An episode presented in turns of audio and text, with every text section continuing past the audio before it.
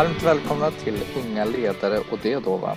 En podcast via Juniorledarskapsakademin.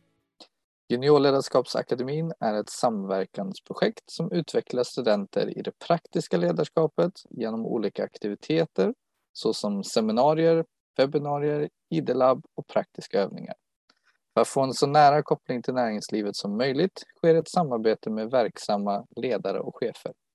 Vi som leder denna podcast är studenter och alumner vid Linnéuniversitetet. Jag som programleder dagens avsnitt heter David Pettersson. Jag tog examen från Music and Event Management vid Linnéuniversitetet i Kalmar 2021 och studerar för närvarande en magister i Leadership and Management in International Context vid Linnéuniversitetet. I dagens avsnitt ska vi prata om ledarskap och att hitta sitt inre lugn och sig själv genom sitt ledarskap. Och vi har med oss Jem Fredriksson som dagens gäst. Jem leder företaget Hjärtats glädje och erbjuder livskonst i nuet genom mindfulness, meditation, qigong och healing. Företaget erbjuder kunskap genom sin blogg och via diverse evenemang och aktiviteter. Varmt välkommen igen. Väldigt kul att ha dig här. Ja, tack David. Det är härligt att få vara med. Det, det, det blir alltid extra spännande och hjärtligt för mig att uh, vara med unga uh, eller yngre som har så mycket potential och inte allting är utstakat redan. Så det känns som en ynnest att få vara med. Tack. Vi är väldigt glada att ha dig med också. Jag tänkte att vi skulle börja lite med att du får presentera dig lite mer själv. Eh, din bakgrund och din resa kanske framför allt och vad du gör idag. Ja, toppen. Jag kallar mig Jem då som sagt som är en förkortning av mina förnamn Jerker i Mattias. Det känns som de sista två åren så har jag varit tillbaka hemma i Sverige och har också lagt av mig muntlöften som jag hade och övade i nästan 18 år. Så det känns som en slags tredje del av mitt liv. Så att uh, Jerker som jag hette när jag växte upp i Sverige och uh, gick på juristlinjen i Lund och jobbade några år känns liksom väldigt långt och avlägset. Och så Fapho som jag kallats i, i många år som munk är också inte riktigt där. Jag har också det namnet med mig som mitt dharma-namn i sig mitt andliga namn. Men eh, så kom det bara naturligt. Ja, men jag är ju jämn nu. Och till och med min mamma säger nej, men du är inte Jerker och du är inte Fabio. Ja, jämn, det passar perfekt. Så just det här att tillåta mig att äh, ha en slags tredje del i livet som också är väldigt annorlunda från de första två, även om det är också en, ett klart sammanhang och en kontinuitet i resan kan man väl säga. Innan, vi kommer kanske in lite mer på detaljer av resan, men det var någonting i mig när jag jobbade som jurist och hade vänner och hade en fin lägenhet och flickvän och liksom kunde åka på semester och sådär. Verkar som jag var på en, en, bra väg. Det var någonting i mig som sa, ja, men är det verkligen inte mer till livet? Det, det finns liksom en djupare lycka som finns tillgänglig, men jag kan inte vidröra det här livet för det kändes som att alltid på väg, alltid mer, det är så mycket att ta hand om i det praktiska. Så det var det som eh, den slags inre rösten som fick mig att säga upp mig. Och sen blev det ett utforskande. Och likadant när jag blev sjuk. Jag hade stadie 4 melanomacancer som jag diagnostiserades med eh, hösten 2018. Så det har ju liksom varit en, en resa med varit väldigt svag och börjat läka igen. Så när jag kom kom ut och började tillfriskna kändes det också tydligt att nu vill jag faktiskt fortsätta och kunna undervisa och vara med eh, mer på svenska i olika sammanhang. Jag ledde precis en, en retreat i Stockholm för 35 personer, en stadsretreat på Hellasgården och också vara i en relation. Då. Så att, eh, jag är också eh, tacksam över att ha hittat min kärlek och är förlovad också. Så att, eh, jag bor i Helsingborg nu. Här, väldigt härligt att höra. Ja, vi kommer komma in lite mer på, på din resa sen också. Men vi kan gå vidare och kolla, prata lite kring ledarskap. För nu har Ledarskapsakademin handlar ju mycket om ledarskap. Så jag tänkte fråga, vad är ledarskap för dig? Mm. Så uh, den bilden som kom till mig det är att uh, vi lägger våra händer på rodret. Rodret av våra liv som eh, ibland använder vi mindfulness då som kaptenen, en bild av att det är kaptenen på skutan. Våra liv och våra olika kapaciteter i skutan med matroser och segel. Och vi är ute på den här färden. Men ibland så eh, bara låter vi strömningarna och vågorna ta oss dit de tar oss, men vi har inte liksom, vi håller inte i rodret. Så för mig handlar det här om att ta tag i rodret i sitt eget liv för att kunna också då göra det i olika sammanhang.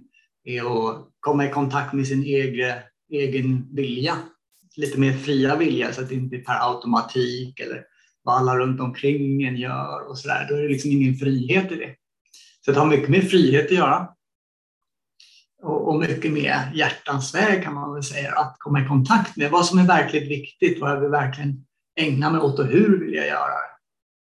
Att bilden av att eh, inte kontroll som är att man styr någonting, men ändå liksom att eh, ta ansvar för sitt liv och sina tankar och ord och handlingar skulle man kunna säga. Alltså rodret. Spännande. Och då kommer vi in lite på nästa fråga. För när vi har pratat med varandra tidigare så har du pratat mycket om och nämnt vikten av att just komma tillbaka till sig själv och kunna slappna av under dagen och mellan sina olika aktiviteter. Och även kunna hitta sitt, sitt sinne och lugna sitt sinne och få, för att få klarhet, större klarhet. Och hur ska man tänka kring att just kunna hitta och skapa ett lugn i sig själv och sitt ledarskap? För det är ju inte kanske alltid det lättaste. Eh, och det går inte genom att tänka på det. Man kan förhålla sig till det. Så just när det gäller att klarna sinnet, om vi börjar där, så hjärn, hjärnan tar väldigt mycket energi, 20 procent av kroppens energi eller någonting, och vi tänker och vi tänker. Um, så att vi kan in, ibland inte se vad det är som är framför oss. Vi ibland inte har sådär idéer som kommer från en djupare intelligens, utan det är det här bandet som bara rullar och rullar och rullar. Och livet är ju här. Jag vet inte om ni känner att ni lever igår eller imorgon eller är det idag ni lever? Så att, eh, att komma tillbaka till denna stund, det är där livet är tillgängligt. Mina planer för framtiden är bara fortfarande en slags väldigt vag illusion eller kanske riktning mina minnen av igår är också begränsade. Jag kommer inte ihåg hela situationen. Det är inte det som är för stunden just nu. Så när jag lugnar mig menar att jag kan komma tillbaka till kropp och andning hjälper för att eh, lugna och kunna slappna av.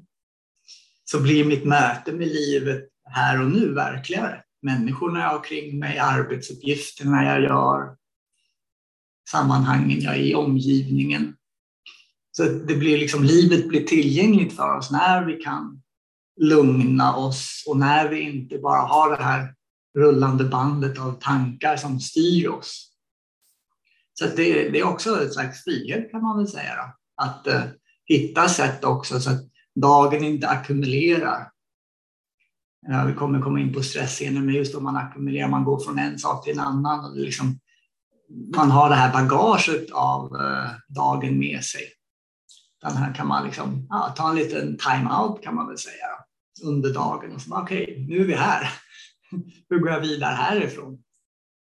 Uppskatta lite att man faktiskt är här och nu. ja, mm. du känner att det är en uppskattning för det? Ja, försöker.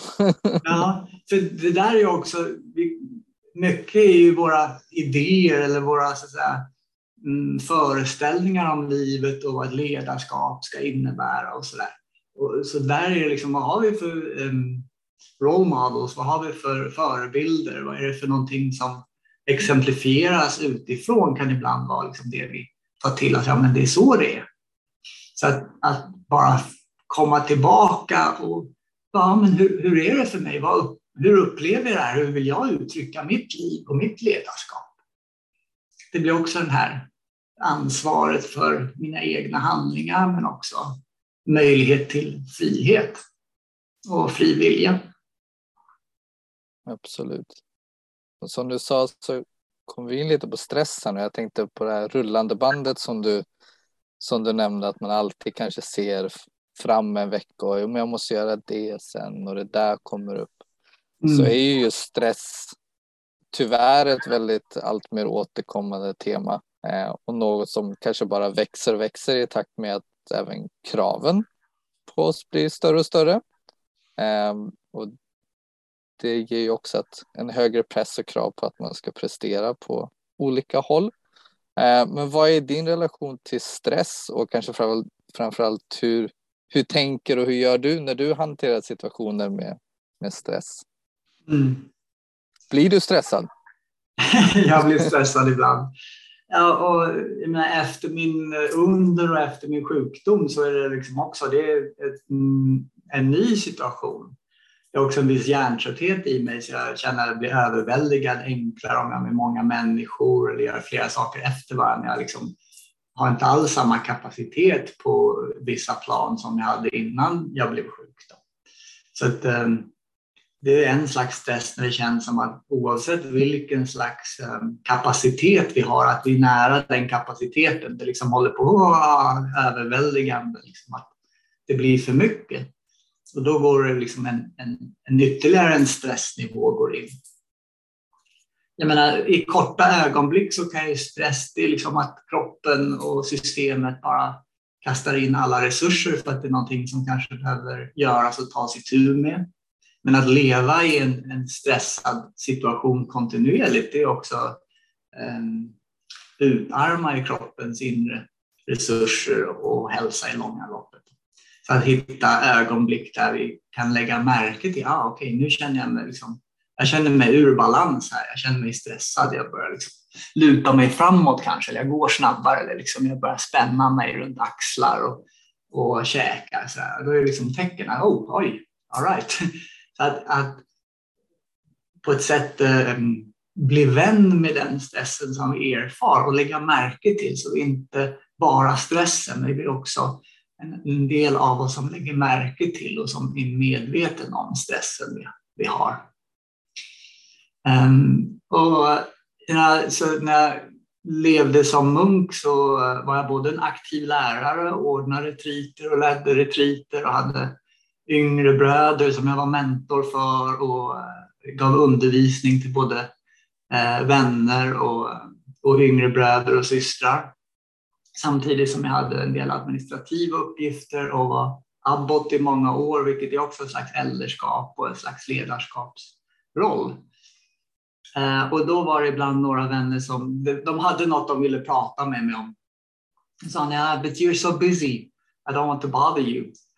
Eh, och det kändes liksom som att det var någonting som var betungande eller så att det var någon stress, det var någon slags belastning. Men så här, jag, jag, vet att jag är aktiv, jag vet att jag är engagerad i många saker med många människor. Men det är för att jag vill det.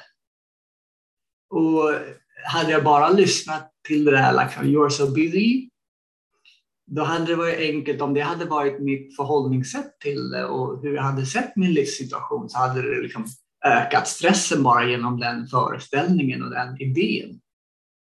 Men genom att bara um, omformulera och säga I'm active and I'm engaged in things. Då var det en slags, okej, okay, I own this. Jag gör det här för att jag vill. Och då blir det en annan sak. Stress också kommer ibland. Ah, jag borde och jag skulle och jag hinner inte med. Så det är inte det här liksom, aktiva slags, ja, det här är min grej. Liksom.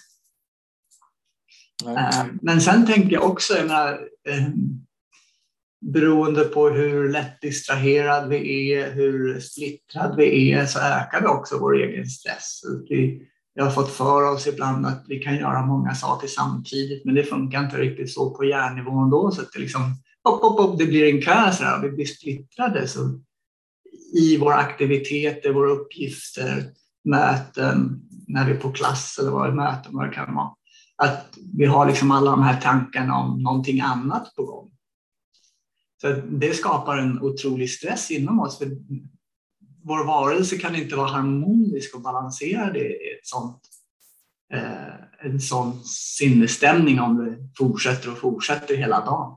Det där är också igen det här med att komma tillbaka till lugn för de här situationerna som kanske normalt skulle bli sista strået liksom, som bryter kamelens rygg.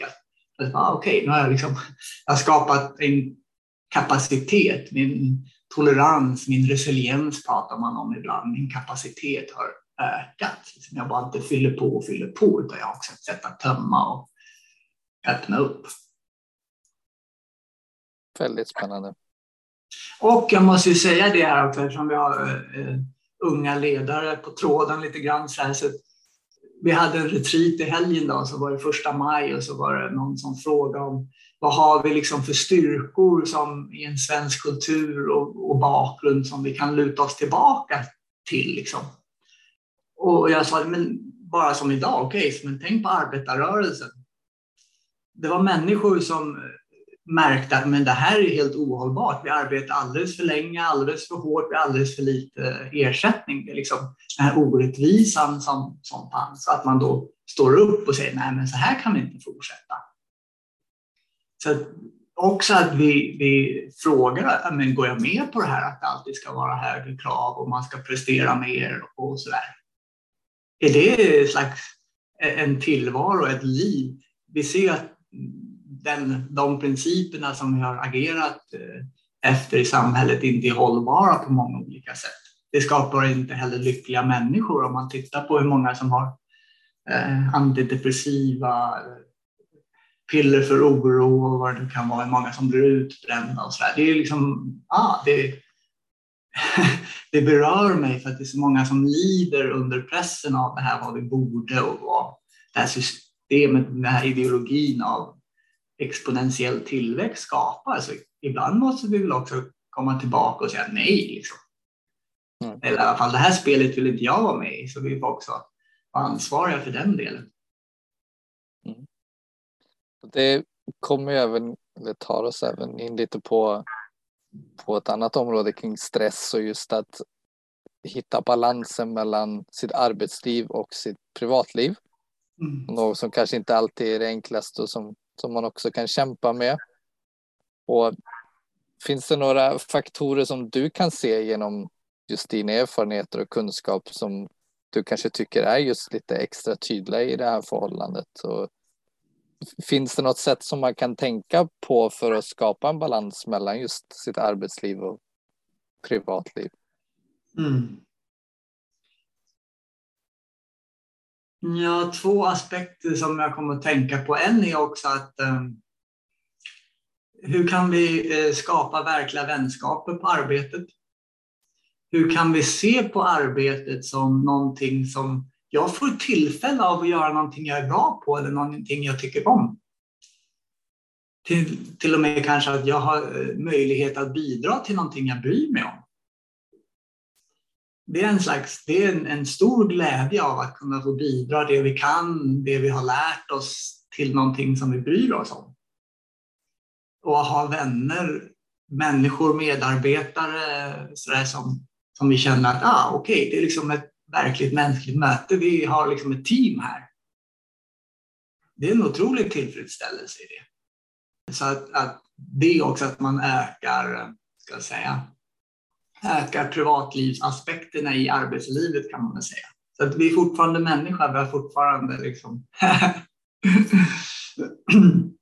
behov av relationer och känna att vi har en, en, en, mening med det vi ägnar oss åt. Och sen så i, med privatliv också i förhållandet här mellan arbetsliv och privatliv. Vad är det liksom jag vill? Vad är det som är viktigt för mig i mitt liv? och hur, hur vill jag leva? Liksom, så att också skapa eh, kapaciteten att lämna jobbet bakom oss kanske. Okej, okay, du åker hem, vad det nu kan vara, vem det nu är vi spenderar den tiden med. Så att det känns som att vi kan vi pratar om att släppa taget. Så att vi inte bär med oss sådär bagage, liksom att vi okay, arbetsdagen den plockar vi upp eh, imorgon igen. Då, liksom. Så nu har jag gjort vad jag kan för idag. Och så, liksom. så vi kan ha kanske en liten ritual när vi liksom lämnar arbetsplatsen. Och det, det här blir ju svårare och svårare eftersom det är många som arbetar hemifrån eller liksom, eh, det blir en ihopblandning mellan arbetsliv och privatliv också rent fysiskt. Jag menar, jag sitter i i vårt kontor här nu hemma. Vi har varsitt skrivbord så att eh, vi arbetar också mycket hemifrån. Men någonting också när jag reflekterar på det här. Jag växte upp i en familj där mina föräldrar först jobbade åt samma restaurangföretag som eh, restaurangchefer och sen hade en egen verksamhet i många år. Så jag kom till deras arbetsplatser efter skolan och jobbade kvällar med dem och, och så där. För det var väldigt mycket prat om arbete hemma. Så, eh, jag kunde känna den slags eh, någon gång så sa jag när jag var liten redan, bara, varför pratar ni bara om jobb? det fanns liksom inte så mycket tid och energi åt så mycket annat.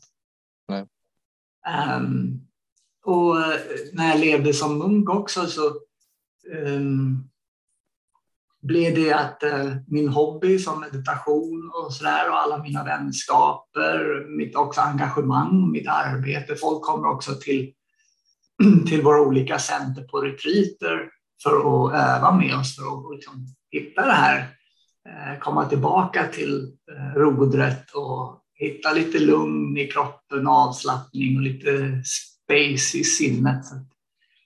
Eh, så det var ju liksom en allt i ett lösning på ett sätt. Så då var det också där, ja, men,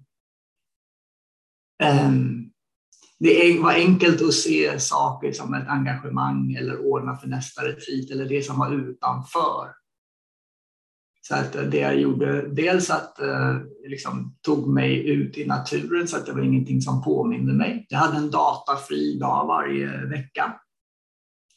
Kanske man inte tänker på, om man tänker på en buddhistisk munk så kanske man inte tänker på att han har en mobiltelefon på skrivbordet som alla kan använda och en dator ute i kontoret som är liksom tillgänglig när som helst. Det var ett sätt för oss att engagera oss. Vi kommer från en engagerad buddhistisk tradition där det både är meditation och tystnad och det här engagemanget. Så mycket det här med att ja, hitta avvägningar och liksom hur mycket är tillräckligt? Ja, men nu är det tillräckligt. Liksom. Man kan alltid göra mer. Så det här är också vad, här, vad är min föreställning av mitt liv? Vad tycker jag är viktigt? Det är viktigt att reflektera på. Ja, väldigt väldigt spännande. Eh, vi har ju pratat tidigare när du och jag har pratat lite innan det här mötet så har, nämnde du också vikten av att kommunicera och kanske framförallt också träna på sitt lyssnande. Så jag tänkte kolla lite mer, vad, vad innebär kommunikation för dig och hur tränar man egentligen på att bli en bättre lyssnare? Mm. Det här är jättespännande också i förhållande till andra människor och framförallt om man eh, är i en ledarskapsroll. Så att kunna lyssna, för mig är det också att kunna se. Att se personen, att ta in personen, att kunna lyssna till eh, personen där de är. Ehm, och i mitt ledarskap så handlar det också mycket då om att finnas där när folk går igenom svårigheter. Bröder eller systrar behövde dela någonting som var svårt och utmanande och bara hålla ett slags space. Så att i ett lyssnande så är det också hjälpsamt att komma tillbaka till andningen. Vi kommer göra en liten övning sen också tror jag. Ehm, yes. Så, att, så att vi kan vara där med personen och vad som delas, inte vår kommentar av vad de ska säga sen eller någon lösning.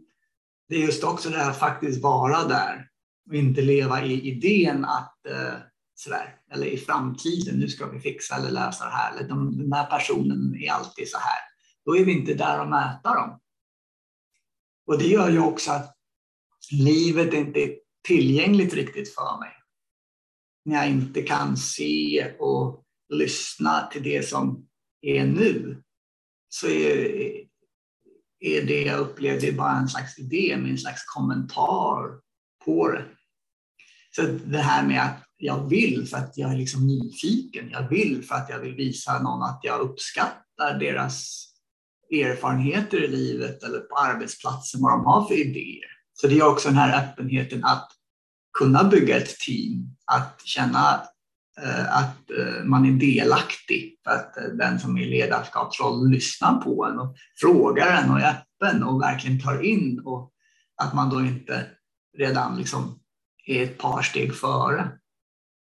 Så hur man kan träna det är väl också vad man märker att det är kommentarer, det är de här liksom, man kanske vill avbryta för att vi är vana med att det liksom ska gå så snabbt att man bara okej, okay, Nej, men nu eh, ser bara nyfiket undersöka vad händer om jag ger lite mer utrymme här?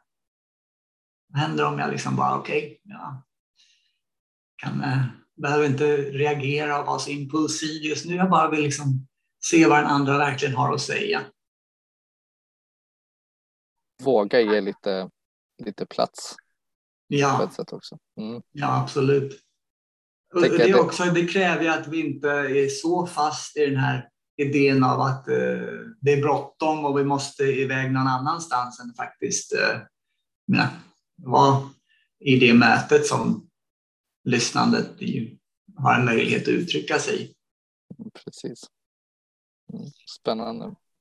Ja, det är bra. Och... Jag känner David att du har mycket reflektioner och erfarenheter i livet. Jag hörde lite om, om din egen resa när vi talades vid, men eh, mm. jag bara uppskattar samtalet. Mm. Ja, men det gör jag också definitivt. På Hjärtats glädje som du jobbar med så jobbar ni väldigt mycket med, eller ni jobbar mycket med mindfulness. Eh, skulle du kunna berätta lite mer om just varför och hur mindfulness kan vara en viktig och användbar del inom ledarskap? Mm. Eh, många har ju då eh, hört talas om mindfulness på ett eller annat sätt. Inom buddhismen har det varit centralt eh, från början och är en del i meditation men också en del av att leva vårt liv, så jag kallar det livskonst i nuet också.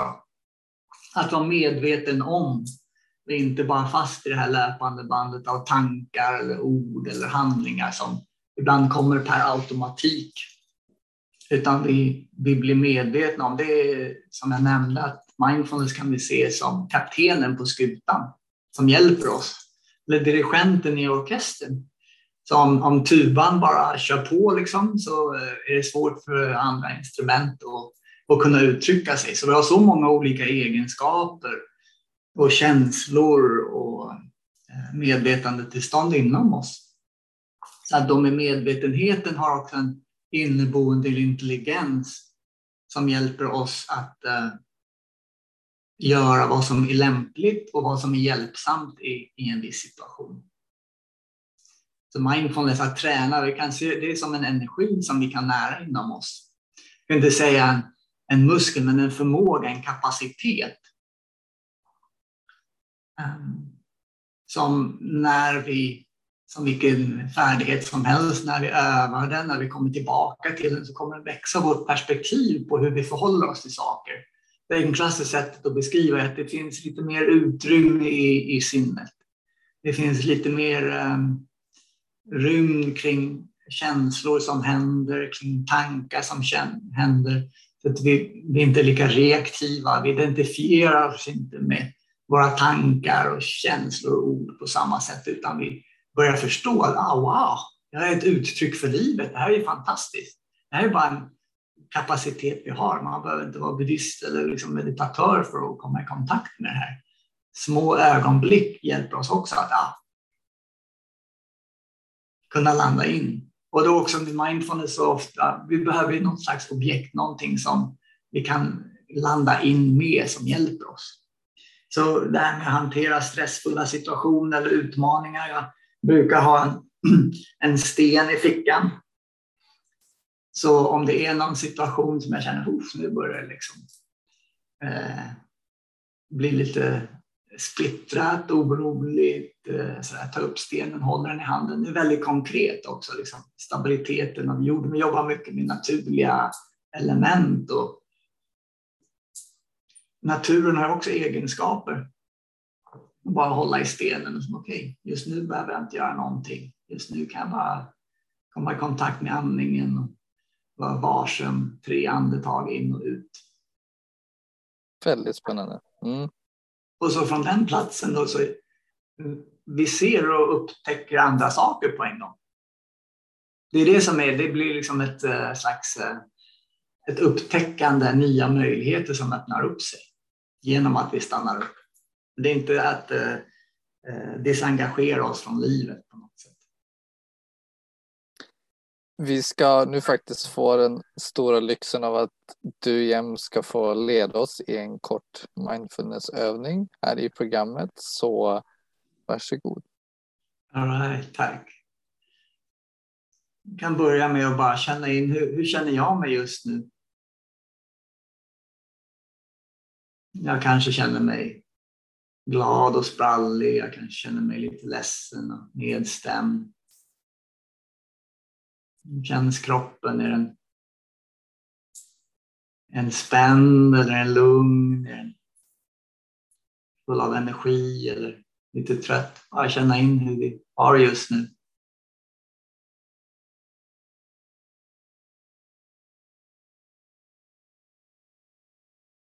Så från den här platsen så kan vi känna in det vi sitter på. Kontakten med stolen, fåtöljen, bänken, vad det nu är vi sitter på. Och tillåter oss att ge vår kroppstyngd vikt till underlaget. Genom säte och kanske fötter eller ben. Genom ryggen på ett ryggstöd. Kan släppa taget om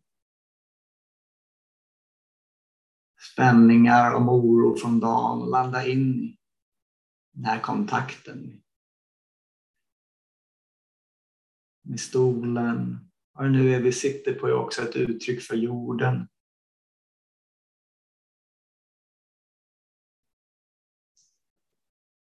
från den här platsen känna in om vi kan förnimma, känna andningen i kroppen. Känna inandning, känna utandning.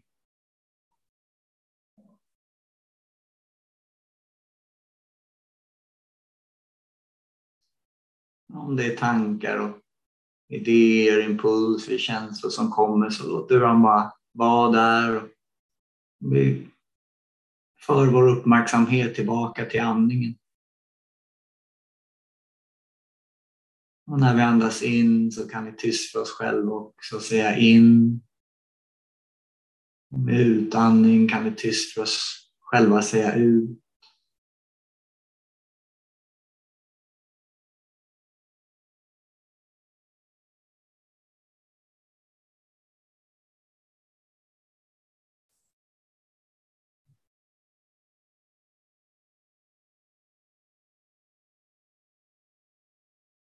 Med inandning kan vi tillåta oss att lugna kropp och sinne. Med utandning vi tillåter en ökad lätthet infinna sig i kropp och sinne. Men säga tyst för oss själva med inandning lugn och utandning lätt.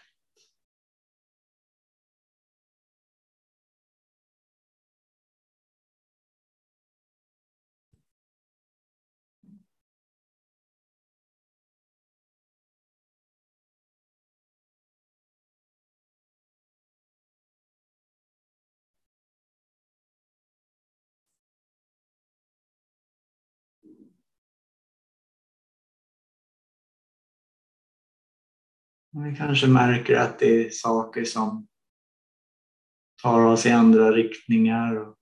Vi kan tillåta ett leende av acceptans. Att det är tankar som kommer. Men också att vi tillåter dem att fortsätta förbi. Vi släpper taget om. Vi behöver inte följa. Som inandning så kan vi säga tyst för oss själva, ler och kanske ha ett ömsint leende på läpparna, i hjärtat. Och med utandning släpper taget. Le och släpper taget.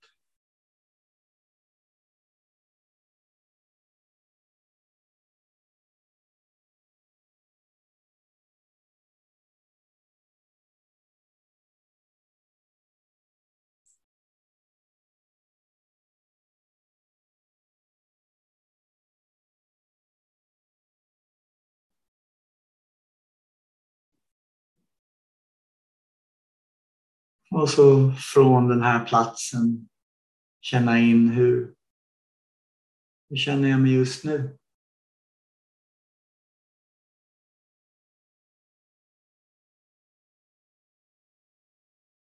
Ja, kan jag förnimma i kroppen? I känslor?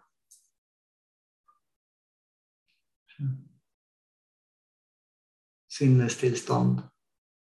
Och så sakta över egen takt så kan ni röra lite på kroppen, öppna ögonen om vi haft dem slutna.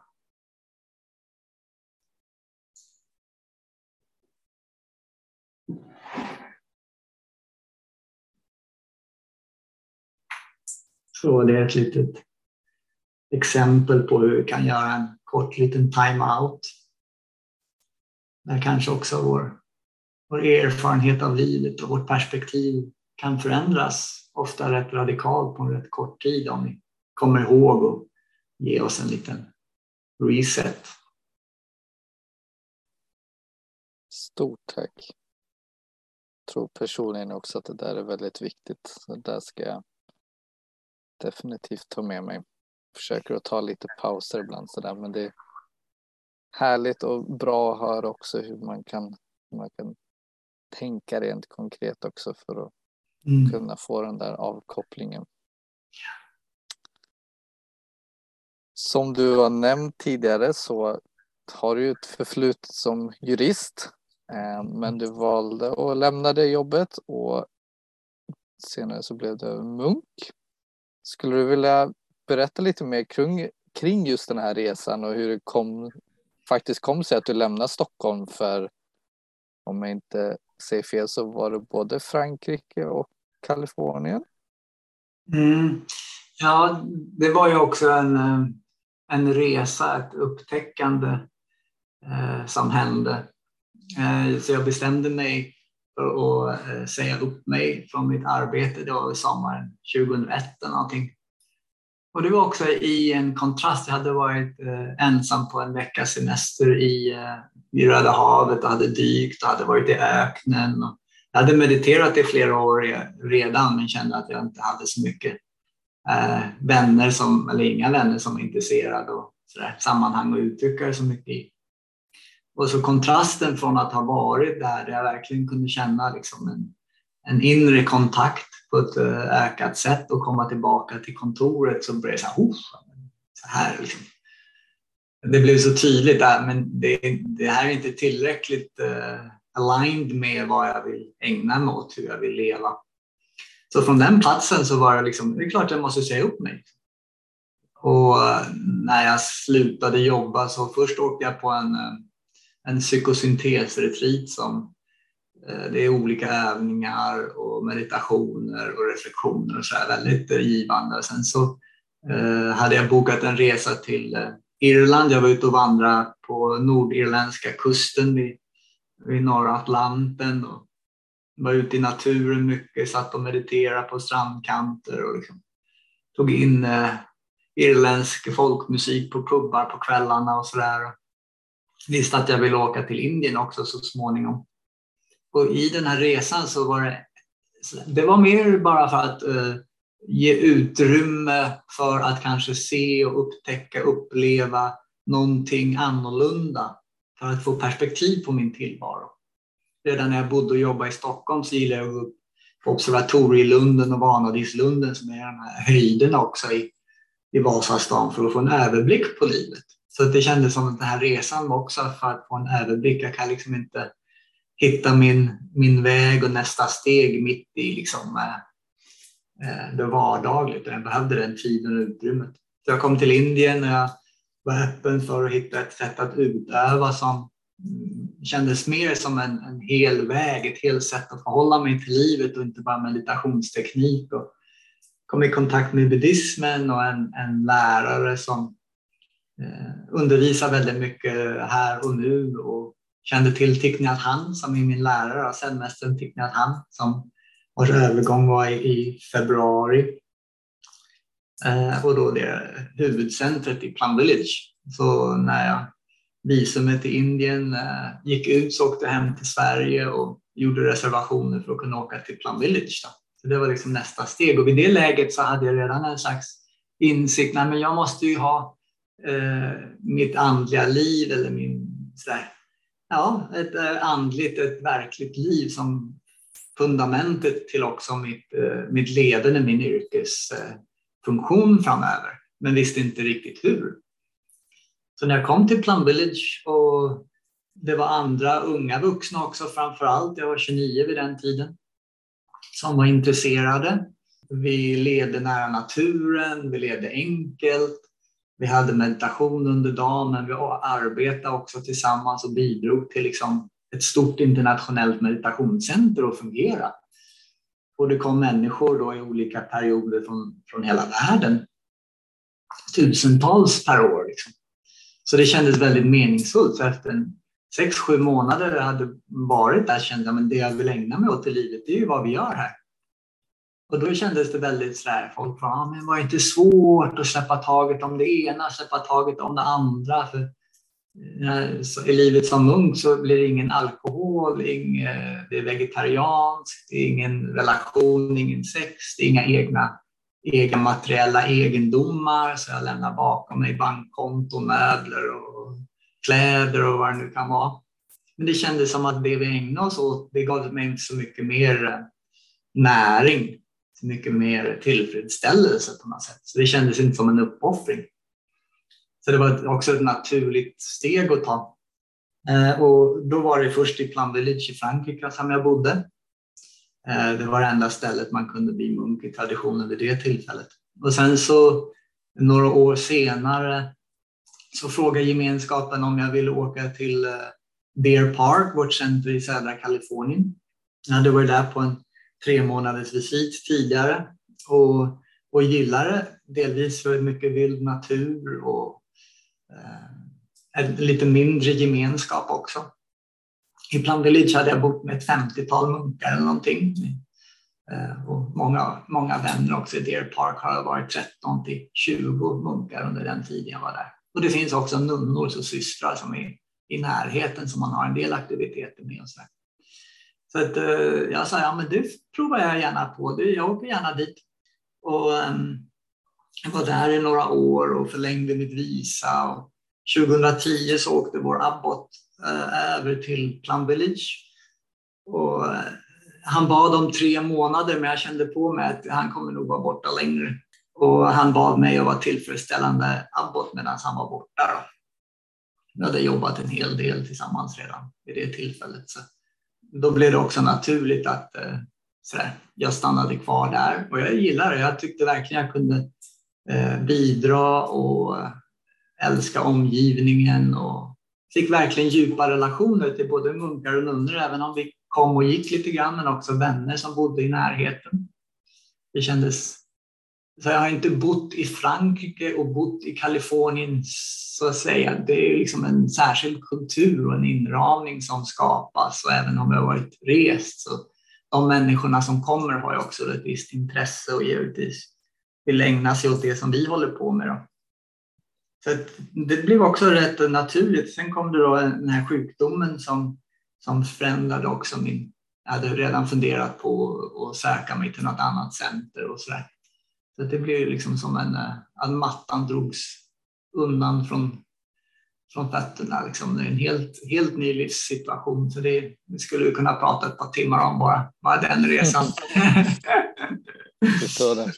ja. Så, men då var det liknande process då, liksom, för jag märkte att jo, men det är vissa saker som jag nämnde inledningsvis också som jag vill ägna mig åt i mitt liv. Så liksom, med den klarheten så kändes det också som att det behövdes inte så mycket mod till slut. Och jag kom tillbaka till Sverige för att leda ett par retriter precis i början av pandemin 2020. Då.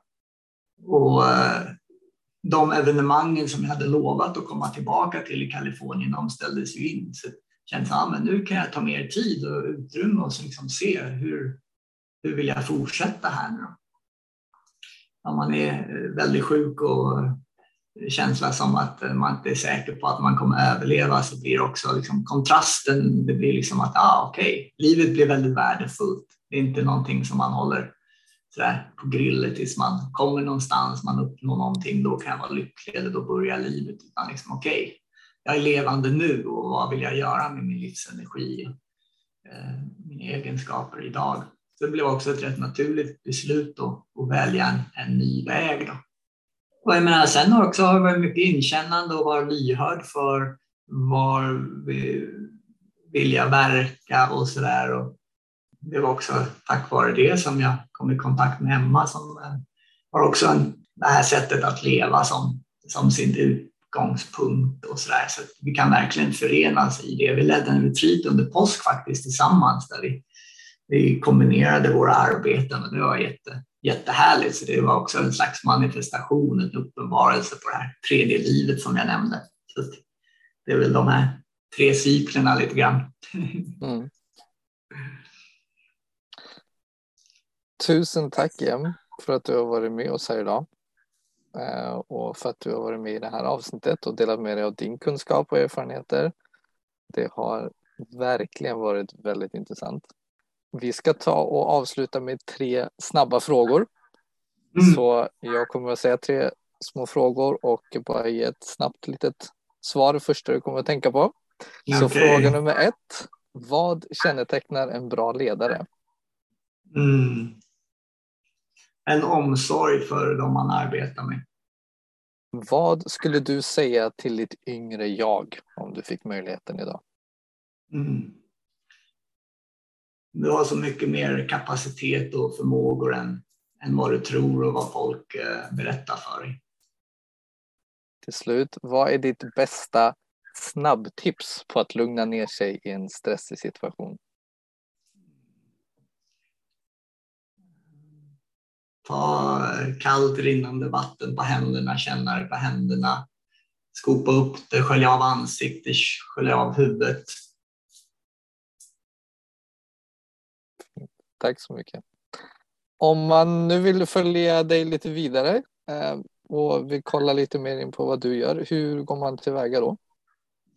Så det enklaste sättet är att besöka min hemsida, så hjärtatsglädje.se, givetvis utan eh, punkten, alltså hjärtatsglädje.se.